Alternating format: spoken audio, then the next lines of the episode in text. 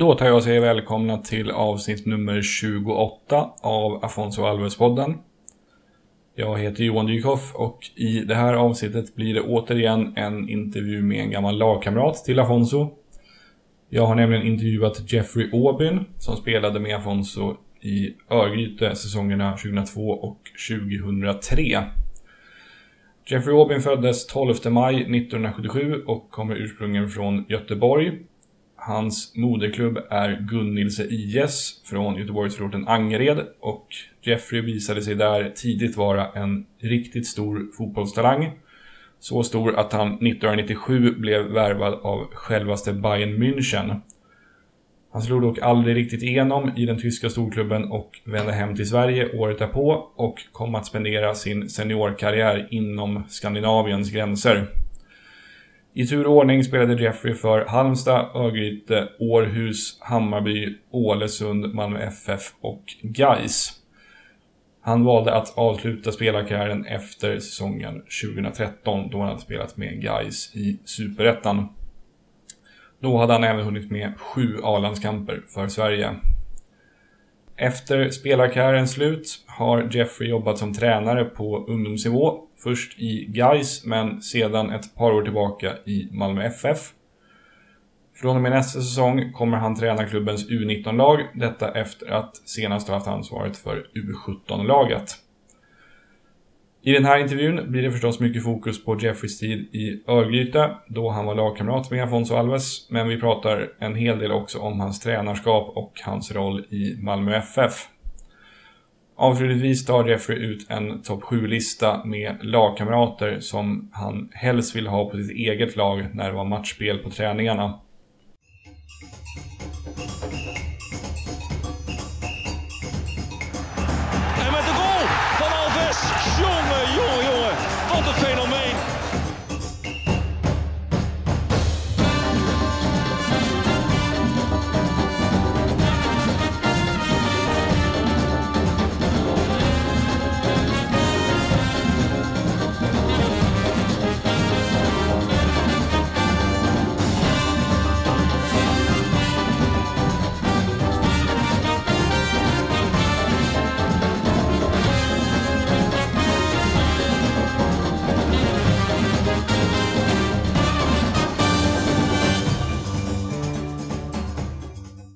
Kör vi igång då. Ja. Eh, så vi börjar med faktarutan. Fullständigt namn börjar vi med. Eh, Jeffrey Aubyn. Mm. Inga mellannamn eller så? Jo, Isak Erik. Ah, Mellannamn. Ja. Eh, ålder? 40. Mm. Fyllde i år va? Jag fyller i maj i år. Just det. Hur, eh, hur trivs du med din ålder? Jo, jag trivs rätt bra. Inga, inga ålderskriser och, och sådär än. Utan eh, känner mig ganska så fräsch och, och, och, och bra. Så det känns också skönt att bli lite äldre. Bli lite mognare, stabilare och allt vad det innebär. Ja. Jag är exakt ett decennium yngre än du, så jag, jag känner, jag känner likadant faktiskt. Eh, kommer från respektive bor i. Jag kommer från Göteborg. Mm. Född och uppvuxen i Göteborg. Bor i Malmö. Mm. Eh, favoritspelare genom tiderna? En eller flera nu aktiva eller sådana som har lagt av? skulle jag säga två då. Eh, Då skulle jag säga Diego Maradona eh, och eh, Zinedine Zidane. Det är hyfsade lirare, Mm. kan man säga. Eh, tvärtom då, någon eller några spelare som du inte gillar av någon anledning? Oj. Fult att inte gilla. Man, man känner ju inte dem som person. Så det blir väldigt svårt att säga att man inte gillar dem. Men eh, spelstil då liksom fick ganska mycket cred för att inte spela en sån jättefantastisk fotboll. Så skulle jag nog säga Gattuso. Skulle jag nog säga. Ja. Tyckte inte det var någon stor fotbollsspelare. Utan fick lite för mycket cred för att egentligen inte göra så mycket. Ja. Mest sparka eller gnaga Ja. på hälsenan då? Ja, och springa runt och se arg ut. Eh, en närbesläktad fråga. En företeelse inom fotboll som du inte gillar? Företeelse, ja. Eh, filmning gillar jag inte så mycket. Det, det är väl en grej som jag inte gillar. Sen är en sak till som jag inte tycker om. Det är när det är ett solklart mål i en viktig match. Eller vad det nu än kan vara. Eh, och så, så har man inte teknisk hjälp. Eh, tycker jag bör finnas idag. Eh, när det är så pass stora viktiga matcher som står på spel. Så att eh, målkamera till exempel hade jag tyckt var, var, var bra att ha. Mm. Pluspoäng i min bok kan jag säga. Jag håller helt med. Ja. ja. Eh, en spelare vars skor du själv gärna hade varit i, i ett visst ögonblick? Det är en av de stora då. Zinedine Zidane, eh, som jag tycker var otroligt duktig fotbollsspelare. Så att, Mm. eh, ja, jag gärna testat att vara till hans skor. Eh, ett tag. Det hade inte varit fel. Finns det någon särskild eh, match eller någon särskild moment där du gärna hade liksom, testat på hur du hade, hade varit att vara Zidane? Nej, inte någon enskild match som jag kan komma ihåg. Men, eh, utan bara eh, överlag så tycker jag att han var magisk. Och framförallt om man är en fotbollsälskare så tycker jag om det fina han, han gjorde med boll och, och, och det graciösa han hade. Han var liksom ett med bollen och Mm. eh, det föll sig så naturligt. Allting han gjorde i rörelsemönster och så vidare. Och så att, ja, nej, det. Ja. Bra tränare också, vad det verkar. Ja, en bra trupp också. Så det, Ja. ibland så kan man bli, bli lite lurad av det. Men eh, förhoppningsvis en bra tränare, ja. Ja, och det hade varit intressant att se honom i uh, Ljungskile eller sådär, se vad han har gjort där. Ja, e- exakt. Och det tror jag nog många tränare... Eh, hade man velat se många tränare som är i de stora, stora klubbarna. Så för att det är oftast är det ju ganska så mycket ett självspelande piano i många, många fall. Utan att liksom nedvärdera deras eh, kunnande på något sätt. Mm. Eh, då ska vi se, din, eh, din egen bästa fotbollsupplevelse? Oj, de är många. Så jag skulle inte vilja kunna... Jag kan inte ta ut en. Nej. Jag skulle nog behöva rabbla några stycken om det är okej. Det går bra. Eh, ja, men då är det ju SM-gulden jag har med Halmstad och eh, Malmö. När jag skrev på för Bayern München, mitt proffs, första proffskontrakt. Eh, men också ett starkt minne av när jag gör min första A-landskamp. Det var också ett, ett, ett stort... Det var något stort som har satt sig lite grann. Eh, ja, så det är väl de då, om, om jag ska hålla det kort. Då. Ja. Vilka, mötte, vilka mötte ni i landskampen? Den riktiga landskampen som jag var med i då, som jag räknar som den riktiga, inte de här vinter, då var det ju Portugal hemma på Ullevi också, i min hemstad. Just det. Som var, som var häftigt, absolut. Vem hade du på din kant då? Eh, Motståndare menar du? Ja, precis. Eh, jag spelade forward i den matchen. Ja, okej. Eh, så att, ja, så att det var ju Fernando Meira, tror, han, tror jag han heter, som, det. som back, tror jag. Ja. Men ett som var häftigt, en av mina andra som jag har sett upp till un, under ungdomen, det var ju Rui Costa som var med i den matchen. Så det var häftigt. Ja. Det förstår jag. Mm. Eh, en fotbollsupplevelse som du gärna hade raderat ur minnet? Något riktigt surt sådär. Jag har egentligen inget för att någonstans, nu kanske jag låter lite klyschig, men någonstans så tror jag alla de sakerna, alla de sakerna, det formar en på något sätt och det är viktigt under ens resa. Eh, motgångar eller dåliga upplevelser eller vad det nu än kan vara. Så jag skulle, jag, jag skulle nog inte vilja ta med någon. Det enda som jag kanske skulle vilja säga då, det var väl att kanske jag skulle haft lite mer is i magen innan jag stack ut till Tyskland. Jag kanske skulle gått till en lite mindre klubb än, än Bayern München då vid, vid, vid det tillfället. Eh, det är väl de enda sakerna egentligen som jag, som jag, jag har reflekterat över att jag kanske hade gjort lite annat då om jag hade fått eh, ja, börja om igen så att säga. Ja. Mm. Jag är bajare, så jag har sett dig ett antal gånger i eh, Hammarbytröjan. Så jag Ja. jag minns, spelade du den där matchen mot Brommapojkarna på Stadshagen där de ledde med 5-0 efter en kvart? 20, 2007 tror jag det var. tror jag nog att jag inte gjorde. Nej, det gjorde jag inte. Den kommer jag ihåg. Just det. Den var jag tittade på. Den Ja, var inte jag med på. Just det. Sen stack jag i sommar där. Nej, men jag kommer ihåg den. Absolut. Den- Jag var inte med i matchen, men jag, jag såg matchen. ja det var skönt, skönt det för dig i alla fall. Ja, ja, just det. Och det var ju när Tony Gustafsson hade blivit tränare precis, tror jag. Det kan du säga. Ja, precis. Ja, ja. Nej. Jag, jag såg matchen, men jag var inte med. Som Nej. du var. Ja, verkligen. Ja. Jag kommer ihåg, jag, jag såg inte den själv, men jag har en, en gammal kollega berättade att han, han var och såg på den. Ja. Eh, och eh, han kom lite sent till matchen, alltså till Och så stövlade han in där på Stadshagen och så frågade någon som stod, någon bara sidlinjen, ja men ja, vad står det? Och han sa ja, 5-0 till BP och då hade det gått så här 17 minuter eller någonting. Och min, Mm. min kollega trodde, nej men sluta, det är, skämt, sluta skämta, vad står det? nej men det är, det är på riktigt, det är 5-0. Liksom. Ja. Helt ja, vansinnigt. Ja, verkligen. Ser man fotboll, det är det som är det härliga med spelet fotboll. Det kan, kan hända väldigt många häftiga saker. Ja, verkligen. Eh, vi kör några frågor utanför fotbollens värld också. Mm. Eh, favoritland eller stad som du har besökt? New York. Mm. Det sitter inte fel. Vad sa du? Nej, det sitter inte fel. Jag var där för Nej, själv. ja, det var, jag var där för ett tag sedan också. Första gången. Och jag blev helt frälst. Jag tyckte om den väldigt, väldigt mycket. Så det var, dit ska jag åka igen. Ja, det gör du rätt i. Mm. Eh, favoritband eller artist? Jag har så mycket. Jag har ett stort mus- musikintresse. Det är framförallt R&B och soul. Eh, så att... Eh, också svårt att säga en enskild. Men för mig, den största artisten som någonsin har funnits och eh, kommer att finnas för mig Michael Jackson. Så det skulle jag nog säga. Ja. Har du någon favorit-era eller någon favoritplatta eller så med honom? Thriller är ju magisk liksom. Ja, den är tung. Ja, så att eh, ja, det blir väl den. Ja. Då ska vi se. Sista frågan i faktarutan.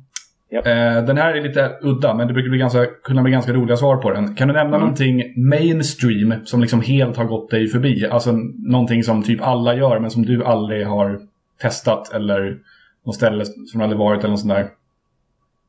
För ett exempel så berättade eh, Niklas Jarelind, fotbollskommentatorn, i en podd som Mm. han var med, att han aldrig har spelat Monopol. Ja, ja, du menar så. Eh, eh, nej, jag tror fan det blir svårt att komma på en grej. Nej, nej, nej. Jag är väldigt sen med sociala medier. Det är väl det enda då kanske. Ja. Jag är ganska mainstream, men nu har jag hoppat på Instagram till exempel. Och, Mm. och sådär. Men jag var väldigt sen med det. Eh, ja, det är väl den då. Men inget så annars som jag kan kom- komma på så här snabbt. Kanske om jag tänker lite, men det tar lång tid. Kollar du på Game of Thrones? Nej, det gör jag inte. Så det Nej. är en grej kanske. Och mina vänner tycker att jag är, är, är konstig som inte har gjort det. Då. Så att, ja, får ta den. Ja, den, den går bra också. Det, Ja, ja. det har varit tre eller fyra tidigare som har sagt just det, så det är min sån här go-to. I- ja, ja, exakt. ifall, någon, ifall någon inte kommer på något bra svar, då kan ja, ja, ja, lyfta upp den. jag... Eh, men det var faktarutan. Då känner vi lite bättre som person. Så då kan vi gå till så att säga, huvuddelen av podden. Yes. Och då går vi tillbaka ungefär 15 år i tiden, till sommaren 2002. Då Afonso tillsammans med Paulinho Guara kom till, eh, till Örgryte. Mm. Eh, och ifall folk har dåligt minne eller bara kanske inte har järnkoll på din spelarkarriär, kan du berätta var du befann dig i din fotbollskarriär sommaren 2002? Eh, jag tycker att jag befann mig kanske i piken av vad jag har presterat om man, om man sammanfattar karriären. Mm. Eh, just vid det, den tidpunkten. Så det, för egen del så var det en väldigt bra tid. Eh, jag var tätt på att vara med i landslaget och det gick bra i Allsvenskan. Jag kände mig i bra form och, och sådär. Så jag befann mig i en, en, som sagt var en bra tid under, under den perioden. Kände jag. Mm. 25 måste det varit då, eller hur? Ja, någonstans där. va. Ja, precis. Ehm, hur minns du liksom läget i laget? Om, om man tänker innan det att Afonso och Paulino kom. Vad, vad var liksom ÖIS 2002? Om man, innan det att de kom? Men vi var bra. Vi var jävligt bra måste Mm. jag säga. Jag tror, jag tror att vi inte riktigt förstod hur bra vi var eh, i och med ÖIS. Ja. Det är en anrik klubb men ändå en lite mindre anrik klubb om man jämför med några andra stora hästar som finns i Sverige. Då. Så, att, Mm. Eh, så vi hade en otroligt bra trupp med många riktigt duktiga fotbollsspelare. Magnus Kjellander, Marcus Johannesson, Martin Nylander, Johan Arnegrund, Dick Last i mål och så vidare. Så att, Mm. ja, ja. Eh, men ändå behövde man två brassar. Alltså. Ja, klubbar och lag vill ju alltid ha bra spelare så det, det, det, det, det är inte så konstigt att man, man tittar efter, efter det. Och sen så hade vi en som heter Jesper Norberg då som, som befann sig i klubben som hade någon kontakt i Brasilien och så vidare. Jag vet inte exakt hur turerna gick. Men så, så kom de dit och, och, och skulle provträna då. Eh, Jag vet inte om det var en vecka eller två. Mm, Så var de där. Ja. just det. Mm. Eh, hur om man tänker Afonso och Paulino, när de väl kom in i laget, påverkade det eh, ditt spel på något sätt? För de måste ju varit väldigt annorlunda att spela med jämfört med till exempel Christian Hemberg och Jocke Karlsson som hade spelat på topp tidigare. Absolut. Ja, det gjorde de ju. Eh, påverkade på ett positivt sätt skulle jag vilja säga. Mm. Eh, för det är duktiga fotbollsspelare. Eh, ville spela en fotboll som jag själv kan sympatisera med. En teknisk, kreativ sätt att spela fotboll. Så det var, var ett härligt tillskott som kom. Absolut. Mm. Mm. Vad minns du som Afonsos bästa egenskaper som, som spelare? Han hade ju så mycket. Han var ju fantastiskt duktig. Så att, eh, men en sak som var, var, var nästan läskigt vass, det var ju hans frisparkar och, och, och skott framförallt. De var ju, de var ju nästan läskiga. Det kan Bengt Andersson intyga, eller hur? Ja, det tror jag nog. ja. Eh, ifall du hade fått ta någon egenskap som Afonso hade som spelare för att liksom, eh, lyfta ditt spel när du fortfarande är aktiv, vad hade du valt då i sådana fall? Ja, men då är det det. Ja. Då är det det. Då är det det, utan tvekan. De två sakerna. Ja. Och då hade du en bra doja ändå? Ja, hyfsad, men inte i den kalibern. Men, ja. ja. Sen så var han ju fantastisk på att driva boll och, och, och slå ut sin, sin, sin, sin försvarare och så vidare. Eh, men det kände jag väl kanske att jag hade också. Eh, mm. hyfsat, eh, hyfsade egenskaper i. Så det hade jag inte velat sno av honom. Men eh, framförallt skottet, frisparkstekniken och, och tillslaget på bollen då i skottögonblicken. Ja, det, det var, var häftigt. Ja. Om man tänker tvärtom då? Fanns det någonting som du tyckte att du hade men Afonso saknade? Vänsterfoten då möjligen, men... Ja, jag vet kanske. Ibland så var han... Han var lite snäll ibland. Jag kunde saknat lite större aggressivitet i vissa moment kanske. Men eh, utöver det så, så tycker jag att han var komplett liksom. Och det har han ju också visat under, under sin karriär. Ja. Jag tänker, hur mycket av det som eh, Afonso hade kan man liksom lära ut till andra? Ifall han hade varit din assisterande i MFF idag, hade man liksom kunnat lära ut hans bollträff och hans ryck och sådär tror du? Ja, nej, där har jag ju en teori att det, det, det, finns ju vissa spelare som, som är födda och har det i blodet och bara har det naturligt. Och som var ju en äh, Afonso. Sen så självklart så kan du träna det till och komma upp till en väldigt bra nivå. Men sen så tror jag också att det finns en gräns till hur mycket, du, hur mycket bättre du kan bli i vissa områden. Där måste det någonstans finnas ganska naturligt och där du har den talangen och gåvan. Helt enkelt. Mm. Det är min teori i alla fall. Så ja. det, det, det, det, tror jag blir svårt. Okej. Okay. Eh, förvånar det dig att han gick så långt som han sen gjorde? Alltså, han, nog för att han var bra i Allsvenskan, men att han sen liksom kom... Han vann ju till exempel nästan när guldskon i Europa. Han var ett mål från att vinna den. Totti var ett mål före och spelade i Brasiliens A-landslag och så. Fanns det, alltså, kunde du se den kalibern i honom när ni var lagkamrater i ÖIS? Jag skulle, jag skulle vilja svara både ja och nej på den frågan. På grund mm. av att man ser ju sällan det i Sverige. Eh, spelare som, som, som når så pass långt. Man ser ju sällan en spelare som slår sig in i brasilianska landslaget och så vidare. Det är någonstans... Det är så långt bort. Men om man bara bryter ner det till att titta på hans kvaliteter så nej.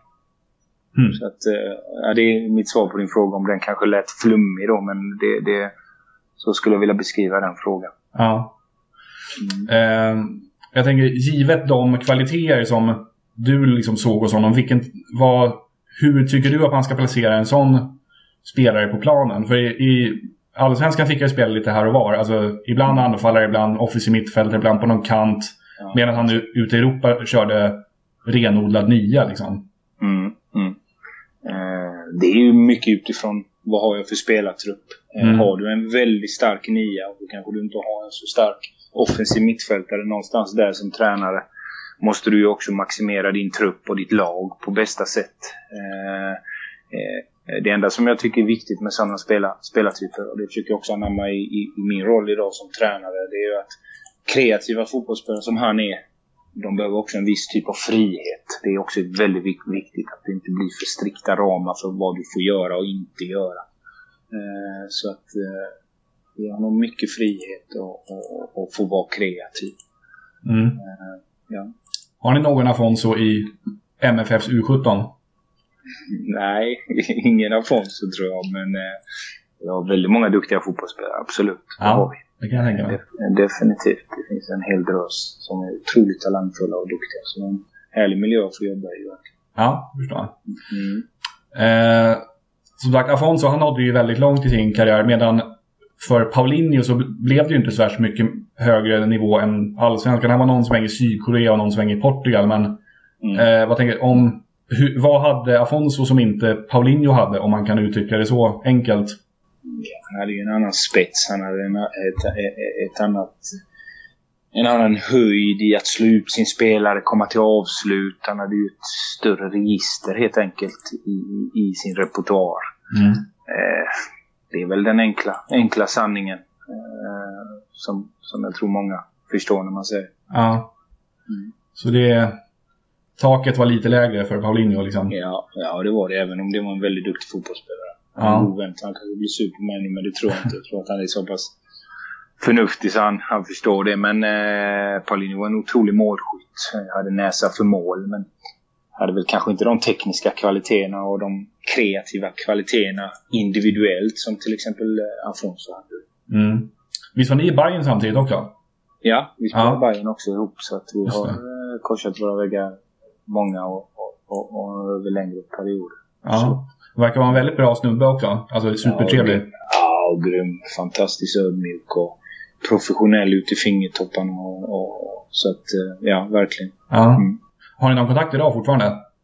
Och nu var det ett tag sedan, men vi hade, vi hade en väldigt lång period efter vi, vi skildes åt och när jag stack till Danmark och spelade och han var Mm. kvar i, i Hammarby. Så hade vi kontakt. Vi hade även kontakt när han var i Brasilien. Vi träffades faktiskt i Malmö här för några år sedan också när jag spelade i Malmö. Mm. Tror det var 2011 eh, senast då. Då var han nere och hälsade på någon tror jag. Och Sådär, så att, eh, eh, men nu eh, var det ett tag sedan vi pratade. Ja, okej. Mm. Afonso pratar jag med med. Det gör jag. Ja, fan vad kul. Ja, framförallt på sociala medier pratar vi ibland. Vad kör ni för språk då? Svenska eller engelska? Vi kör engelska. Ja. engelska. Ja. Eh, vad är din relation till Örgryte som klubb idag förresten?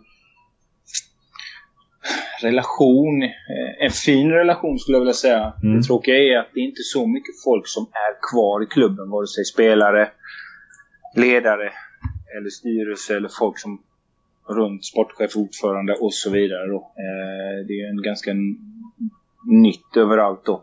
Eh, Men har en otrolig kärlek till ÖIS som klubb och förening.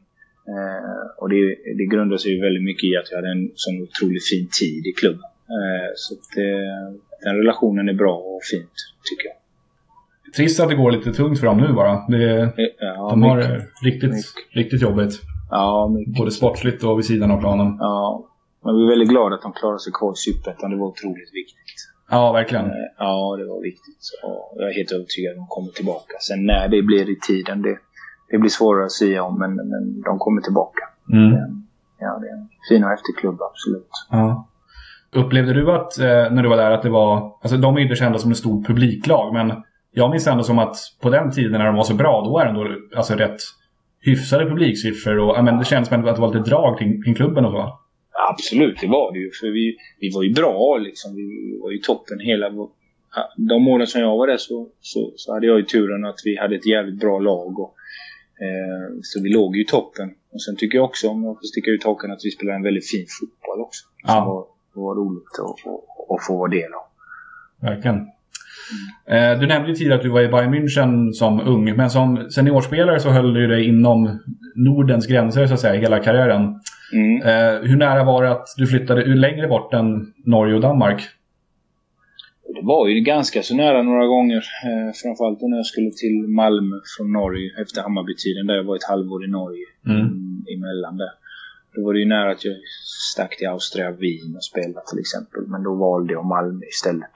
Mm. Eh, så det har, funnits tillfällen där, där, där det har funnits eh, alternativ att sticka. Men då har jag inte tyckt att det har varit så pass intressant. Både ekonomiskt då, och, och, och klubbmässigt. Då. Förstår. Hur, eh, jag tänker de spelare som du har basat över i, i MFF, i ungdomssektionen, är det, händer det att de blir, att det ry- rycks i dem från utländskt håll och brukar du komma med goda råd i sådana fall? Ja, eh, den frågan får jag ofta och jag Ja. får också faktiskt många gånger där de rådfrågar. Jag tror också det handlar, grundar sig mycket i att jag själv stack ut ganska tidigt då. Mm. Eh, Men där brukar jag prata i termer som att det finns liksom inget facit i det för alla människor är olika individer. Eh, och vad som är rätt för, för dig är kanske inte rätt för mig utan någonstans så måste i en ung spelare så måste det finnas en, en bra stödapparat runt dem. Som föräldrar, eh, om de skulle ha en rådgivare och så vidare. Och, som, som, och de själva framförallt som måste känna sig mogna och kunna ta de besluten. Eh, eh, självklart så skulle jag, eh, och gör, ge dem tips och råd vad, vad, vad, hur jag ser på dem idag. Om de är mogna för det. Eh, man ska också komma ihåg att det är inte alltid så glamoröst bara för att man kommer utanför Sveriges gränser. Eh, och ibland kan det vara sundare att stanna Eh, så att, ja, det är en väldigt svår och komplex fråga skulle jag vilja säga. För det, det skiljer så, så mycket från individ till individ. Precis. Ja, kollar man honom Messi, han var väl 12 när han flyttade eller någonting och det har gått ja. ganska skapligt för honom. Absolut. Medan det har... Medans nu, nu lyfter vi honom, men jag kan lova att det finns andra som också ansågs vara lika bra som Messi som stack i den åldern också som vi inte ens har sett och som vi inte ens tänker på idag. Så att, um, Exakt. Bara, bara för, så att man reflekterar lite över det då. Det är lätt ofta att man ser bara de som lyckas då. Men man kanske inte alltid ser de som inte går hela vägen också. Precis. Nej, det kan verkligen, som du säger, det kan gå från ja, allt ifrån jättebra till att man inte ens kan försörja sig på fotboll längre. Ja, exakt. Ja. Det, ja. så det är väldigt svårt. Det, det, det, det handlar mycket om att ha lite tur också och, och spela, spela bra i rätt matcher och, och ha tränare som tror på dig. Bra skickliga tränare som kan utveckla dig och så vidare. Absolut. Eh, på tal om tränare. Eh, du la av efter säsongen 2013 eh, och jobbar nu med som tränare i Malmö FFs ungdomssektion som sagt. Hur, eh, hade du länge varit inställd på att ge dig in på tränarbanan? Nej, det hade jag inte. Det började smyga sig fram 2010 när jag spelade i Malmö. Eh, då började det smyga sig fram. Vi hade en tränare som hette Pep, spanjoren, som var assisterande till Roland Nilsson. Mm. Eh, som kom till mig efter en träning och tyckte att jag hade egenskaper när vi diskuterade fotboll som, som skulle passa som, som tränare.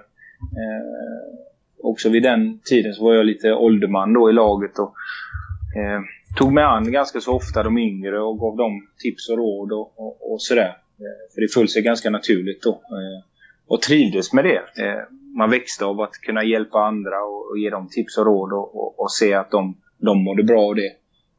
Och sen efter jag var uppe i Gais då, de sista åren så, så var jag ganska öppen och ärlig mot, mot klubben och sa att jag, jag var liksom tom. Jag var, jag var färdig med fotbollen, mm. spelandet. Och, och då frågade de mig om de, om de kunde använda mig i någon annan sorts roll då som tränare. Och då hade jag gått mina utbildningar parallellt då under min aktiva karriär. Så det kände jag att jag gärna ville testa på. Och då började jag med, med, med att vara assisterande i U19 och U21 eh, till Benjamin Westman. Eh, där eh, då. Och sen så fick jag frågan om jag ville ta, ta över ansvaret för Gais U17 pojkar Mm. Och efter det, efter det året när jag, när, jag, när jag hade det ansvaret för det så fick jag otroligt blodad tand och kände direkt att det här är någonting som, som jag vill göra. Och, och jag kände också att jag hade, hade kunskapen till att, att göra det. Så att eh, det föll sig ganska naturligt. Och idag så är det ett otroligt roligt och stimulerande jobb jag har och jag är jätteglad att jag valde den banan. Ja, fan vad kul att höra. Mm. Har du och Pep någon eh, kontakt idag? Ja, vi har mycket kontakt faktiskt. Ja. Vi pratar ganska så ofta. Faktiskt. Borta i Oxford är han nu va? Oxford nu ja. ja. Han, var ju, han eh, var ju runt. Han var i Halmstad som han assisterande till Åge Viking. Och sen Leeds, Swansea och lite sånt då. Ja. Han har ett gäng gamla Malmö-spelare där. Jag tror Rickard Dinho är där nu. Och så är Agon och Ivo Pekalski där också. Så det är skön trio ja, han så stämmer. stämmer. Ja, visst. Han, eh, han såg deras kvalitet när han var här, så tog han. Jajamän, det gjorde han. Eh, hur, hamnade, eh, hur hamnade du i Malmö sen som i deras ungdomssektion? Eh, jag var ju guys. Eh, mm. Flickvännen eh, var ju från Malmö. Eh, och så har vi alltid haft en... Jag var ju borta från Göteborg nästan 12 år under min aktiva karriär då efter ÖIS-tiden då. så, så, så var inte jag hemma. Och sen när vi väl flyttade upp till Göteborg och köpte hus där uppe så var det någonting som... Jag saknade Malmö på något sätt. Jag vet inte vad det var. Det var vänner, atmosfären och allt vad det var. Eh, och då hade jag kontakt med Daniel Andersson som är sportchef idag. Eh, och förklarade att jag, jag var på väg ner mot Skåne igen. Och, eh, han visste ju om att jag jobbade som tränare i, i Gais och, och på den vägen är det. Mm. Eh, så kom jag in då. Så I början fick jag ta över eh, klubbens eh, 02 då. Eh, och sen, sen så har det bara fortsatt på den vägen. Nu är jag i, i U19 i Malmö nu då. Ja, just det. Till nästa år flyttar du upp dit då? Ja, exakt. Ja, just det. Har det gått bra de här åren då du varit i U17-laget? Ja, det har gått bra faktiskt. Vi, vi eh, framförallt eh, utvecklingsmässigt och, och, och, och, och sättet vi spelar fotboll på är, är jag stolt över. Eh, där vi verkligen försöker spela en, en, en kreativ och utvecklande fotboll. Eh, som, som, som jag tycker är viktig och som jag tycker att vi ligger efter i svensk fotboll. Eh, så vi, vi lyckades faktiskt komma till SM-final. Eh, men förlorade dessvärre då mot Elfsborg i finalen. Då. Mm. Eh, om man bortser från det så tycker jag vi, det har gått väldigt bra. Absolut. Ja. Får du ibland kliva in själv på träningar så och visa kidsen var skåpet ska stå? jo, ibland får man vara med när det, när det fattas och det blir lite undertal och sådär. Men de är, de är jävligt vassa, snabba, rappa så det, ja, det är svårt att hänga med. Ja.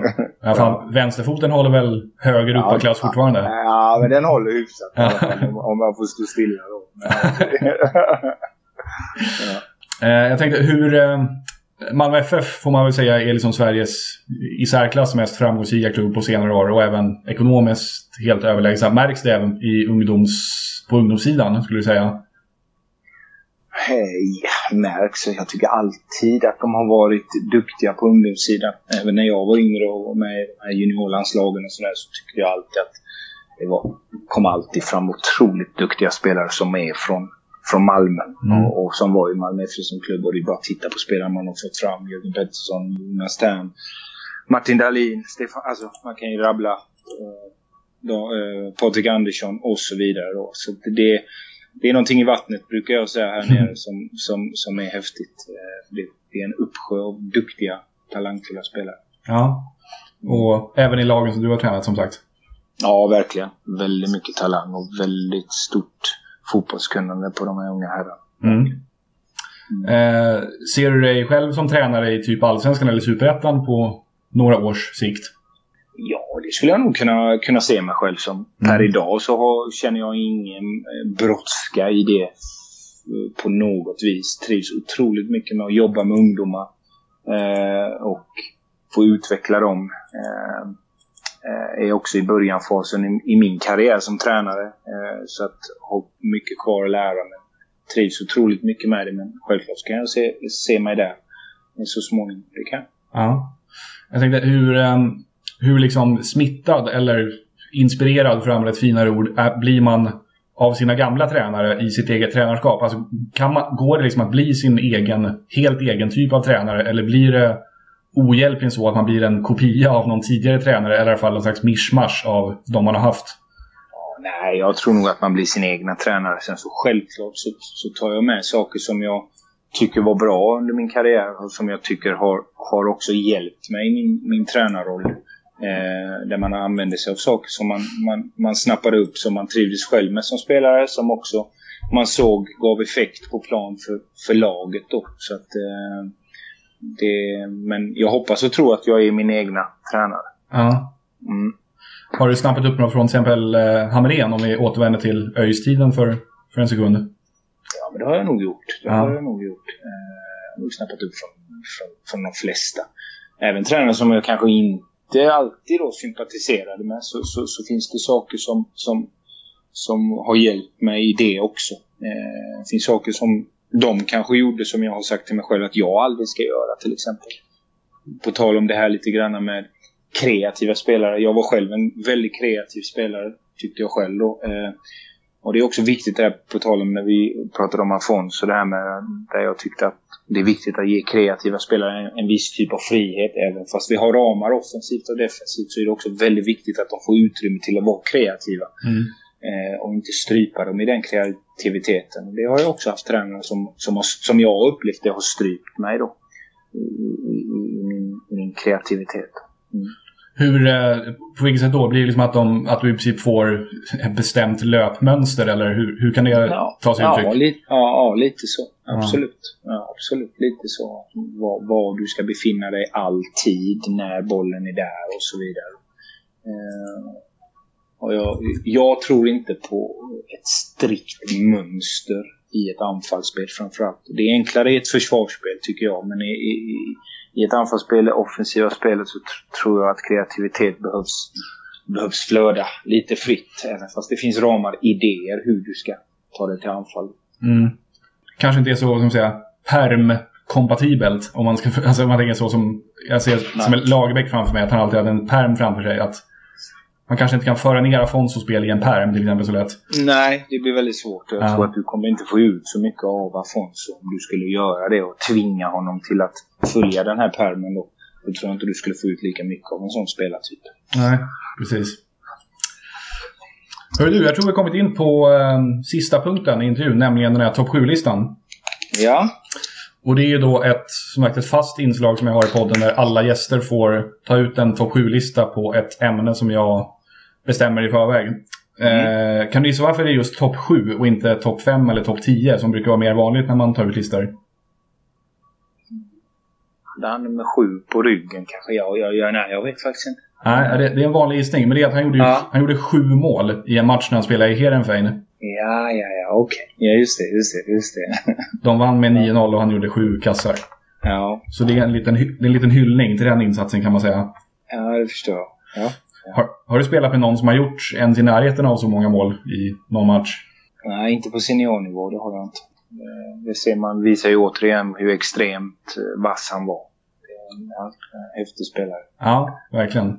Mm. Eh, och till dig gav jag då ämnet eh, lagkamrater som man helst ville ha på sitt eget lag när man körde matchspel på träningar. Mm. Eh, så det är egentligen bara att köra igång. Ta det gärna nerifrån, alltså från 7 till 1 och sen någon liten motivering till varje namn också. Mm. Mm. Eh, på sjunde plats då så har jag med Petter Andersson som jag spelar ihop med i Hammarby. Mm. Eh, otrolig egentligen. Motiveringen där att det är en otroligt skicklig fotbollsspelare. Eh, som, eh, som hade bidragit om han var i det laget som, som han hade själv varit. Så Där har du motiveringen. Mm. Mm. Bra högerdoja också. Ja, mycket fint driv och, och sådär. Så att, eh, det är han. Ja. Eh, sen har jag med Magnus Kjellander som jag spelar ihop med i ÖIS. Mm. Eh, som var en otrolig kämpe och ett, eh, ett rivjärn på mitten. Som, men också en otroligt skicklig fotbollsspelare. Eh, som också hade bidragit eh, starkt tror jag. Han är Mm. på sjätte plats då. Eh, sen har jag med Daniel Andersson på femte plats. Eh, egentligen mer på grund av hans klokhet, hans ehm, eh, fotbollsintelligens och när man själv spelade små, smålagsspel på träningarna i Malmö FF så vann alltid hans lag eh, de matcherna. Eh, och det, det visar ju lite grann eh, på vad han hade för, för, för kvaliteter. Det där är så jävla häftigt tycker jag. För jag, alltså jag har ju spelat på, fotboll på mycket lägre nivå än vad du har gjort. Men Mm. man har ändå upplevt det där att det är vissa som fan med alltid var på vinnande laget. Och även andra Ja. sporter också. Bara för Ja, att de är så exakt. jävla, jävla Ja. taktiskt begåvade. Ja, verkligen. Och det, det är inga tillfälligheter. Så Nej. är. Nej. Så det är han nummer fyra. Eller nummer fem var vi på va? Ja, just det. nummer fem. Ja. Eh, nummer fyra då har jag Ricardinho som spelar med i Malmö. Mm. Eh, på grund av hans vänsterfot, hans kreativitet, hans skicklighet till att hitta passningar. Till att, eh, ja, egentligen allt. En otroligt duktig fotbollsspelare. Mm. Eh, han kommer på fjärde plats. Eh, nummer tre, så nu är jag lite snäll här i och för sig, men då har jag med Mehmet Scholl som spelar med Bayern München. Som, Ah, ja. är, ja, som, som egentligen är den bästa spelaren jag någonsin har spelat. Som gjorde vad han ville med fotboll och gjorde vad han ville på en plan. Eh, har jag med honom. Eh, Som nummer tre. Mm. Nummer två har jag Oliver Kahn som jag spelade med då i i Bayern. Eh, För skulle han stå i mål så skulle det inte bli ett enda mål insläppt. För att han var verkligen ett vägg, en, en vägg. Eh, otroligt svårt att, att göra mål på honom. När vi hade en skottövning i, i, nere i Tyskland. Eh, och det, det var verkligen omöjligt. Det kändes också att det går fan inte att göra mål på, på snubben. Liksom. Så att det, ja, det är bland det sjukaste jag har upplevt. Verkligen. Det var väl även så att backarna knappt vågade släppa ett skott förbi sig heller, för då har man fått sig en hård tork. ja, verkligen. Det kanske var en kombination där. ja, skrämseltaktik då. Ja, han verkar helt jävla tokig verkligen. ja, ja. Då var vi på tvåan där va? Ja, precis. Ja. Olidligt spännande. Tar, ja, då tar jag med Afonso då. En liten hyllning till honom som är med i hans, hans podd. Men egentligen för att han hade den spetsen som, som han har och, och, och, och det fotbollskunnandet kunnandet han har. Liksom. Eh, så att han är på nummer, nummer ett. Fan vad kul. Det är, du är, du är inte först att ta ut honom, men det är, det, är det är jävligt kul när eh, man märker verkligen med alla som man har alla som har intervjuat som har spelat med honom att det är verkligen, alltså han, han var verkligen någonting exceptionellt. Ja, det var det. Det, det var han verkligen. Ja. Det är inget att snacka om. Det var något, något magiskt över honom vissa gånger verkligen. Det var det. Det är inte många spelare man spelar med man känner fy fan vad bra han är. Och det var, det var Och ändå var han jätteung när ni spelade ihop. Han var om så var det 20, 21 någonting va? Ja, det kanske han var. Jag vet inte exakt hur gammal han var. Men han var ganska ung, absolut. Han kom från Atletico Mineiro. Men man ska komma ihåg med Afonso också att han var ju väldigt duktig. Han var ju med i de här ungdomslandslagen i Brasilien och sådär vet jag. Mm. Eh, att han, han var med och det är inte lätt att, att slå sig in där. Sen så vet jag också att Afonso och Paulinho pratade om att det var väldigt svårt som ung att slå sig in i Atletico Mineiros A-trupp då. Vid den tidpunkten. Och då ville, ville de testa och komma utanför gränserna. Och så föll det lyckligtvis på ÖIS då. Ja, precis. Mm. Jag tänkte också, när vi var inne på Atletico Mineiro där, för jag vet att eh, som sagt, de hade ju väldigt svårt att slå sig in i Atletico Mineiro. Men en som faktiskt hade spelat där en del var ju han Kirino, han gamla Djurgårdsbrassen. Ja, just det, just det, just det. Som ju var ett hyfsat liksom, etablerat namn i Brasilien och hade spelat, om det var U21-VM ja. eller något sånt där för Brasilien. Det var ändå ett stort, ja. rätt stort namn, men som ju inte alls lyckades i Sverige. Nej, det ser man. De har ingen koll där nere helt enkelt. Nej, men jämförelse med Afonso så är det ju en helt annan kaliber. Liksom, ja. Sen så vet man ju inte heller hur det var för Afonso när, när han väl var i Brasilien. Han fick ju spela väldigt mycket i när han kom till, till Sverige. Och när du spelar och utvecklas du och då får du också möjlighet till att blomstra som han gjorde. Så det är också väldigt viktigt med speltid. Så är det Precis. Mm. Jag tänkte, fanns det någon annan när du var i ÖIS? De hade ju ett gäng brassar där. Fanns det någon annan brasse som eh, var där som liksom inte riktigt fick det att funka men som du ändå tyckte att fan han har ju ändå någonting. Bosco fanns det någon som hette till exempel. Ja, jag skulle precis säga, ja. säga han. En duktig spelare verkligen men han fick inte det till att lossna riktigt. Han hade nog en stor portion frustration också. För att han tror han kände att han hade så mycket i sig, för det hade han. Men han fick inte riktigt ut det så på det sättet. Sen hade, var det ju en annan som kom därifrån också, Ailton. Han lyckades ju lite bättre. Mm. Han lyckades ju väldigt bra liksom. Så att, ja fanns några stycken.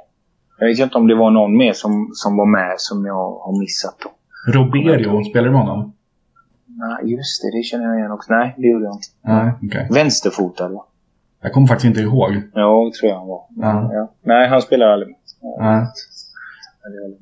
Hur kan man tänka som tränare i sådana lägen när man ser att en spelare har jävligt mycket potential men det liksom inte riktigt klickar på planen? Mm. Ja, det, är en, det är en avvägning där du måste göra hela tiden. Vad har jag för andra alternativ? Eh, presterar de bättre? Ger de mig mer? Och så vidare. Så det är inte alltid som tränare på, på allsvensk nivå där du har den tiden till att vänta allt för länge heller. Mm. Utan någonstans så måste man ju leverera som spelare när man väl får chansen då. Eh, och det är mycket möjligt att man hade haft lite mer tålamod med Bosko så, så kanske det också hade smattrat på ett annat sätt. Men, men nej, nu blev det inte så. Nej, tyvärr. Ja, det är inte lätt det där.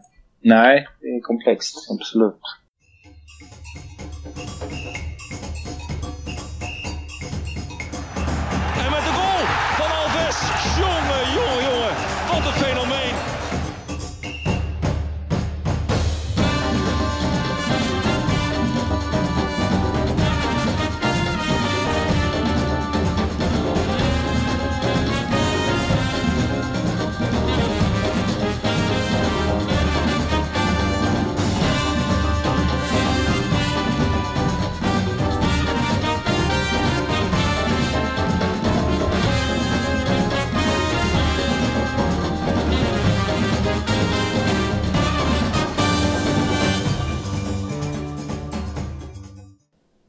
Sådär ja, då tackar vi Jeffrey Aubin för att han tog sig tid att ställa upp på den här intervjun och vi önskar honom såklart all lycka framöver som tränare nere i Malmö och nu framöver blir det alltså i deras U19-lag.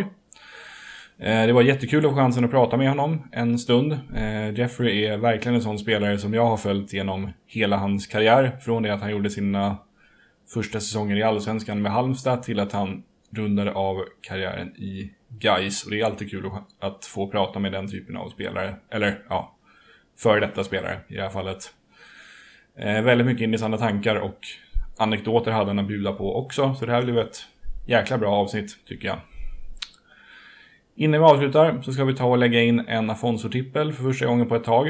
Eh, för nytillkomna lyssnare kan jag berätta att Afonso-trippen är ett bettinginslag i den här podden där jag lägger 34 kronor Alltså lika många kronor som antalet mål Afonso vann skytteligan på i Eredivisie. På en trippel och det ska vara en trippel innehållande matcher eh, med lag som Afonso antingen spelat för, gjort minst tre mål i en match eh, mot eller uppgivits vara klar för. I förra avsnittet så la jag inget bett, så vi har därmed ingen Afonso-trippel att följa upp, men här kommer däremot en ny trippel.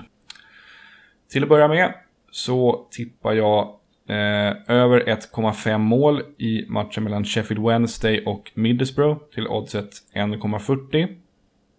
Sen så tippar jag att AZ hemma besegrar Heerenveen. Eh, rak etta alltså till oddset 1,67. Och avslutningsvis så tippar jag på att det blir över 3,5 mål i matchen mellan Ajax och Willem Tvei till oddset 1,67. Totalt blir det här ett odds på 3,90 och om man gånger det med insatsen 34 kronor så får man en potentiell vinst på 132,60. Så eh, det håller vi tummarna för. Fler intervjuer är på G. Det är bara att hålla utkik efter fler avsnitt, antingen på Svenska fans eller iTunes eller vad man nu föredrar att konsumera podcasts någonstans. Det var väl det, det för idag. Ha det så bra. Tja tja.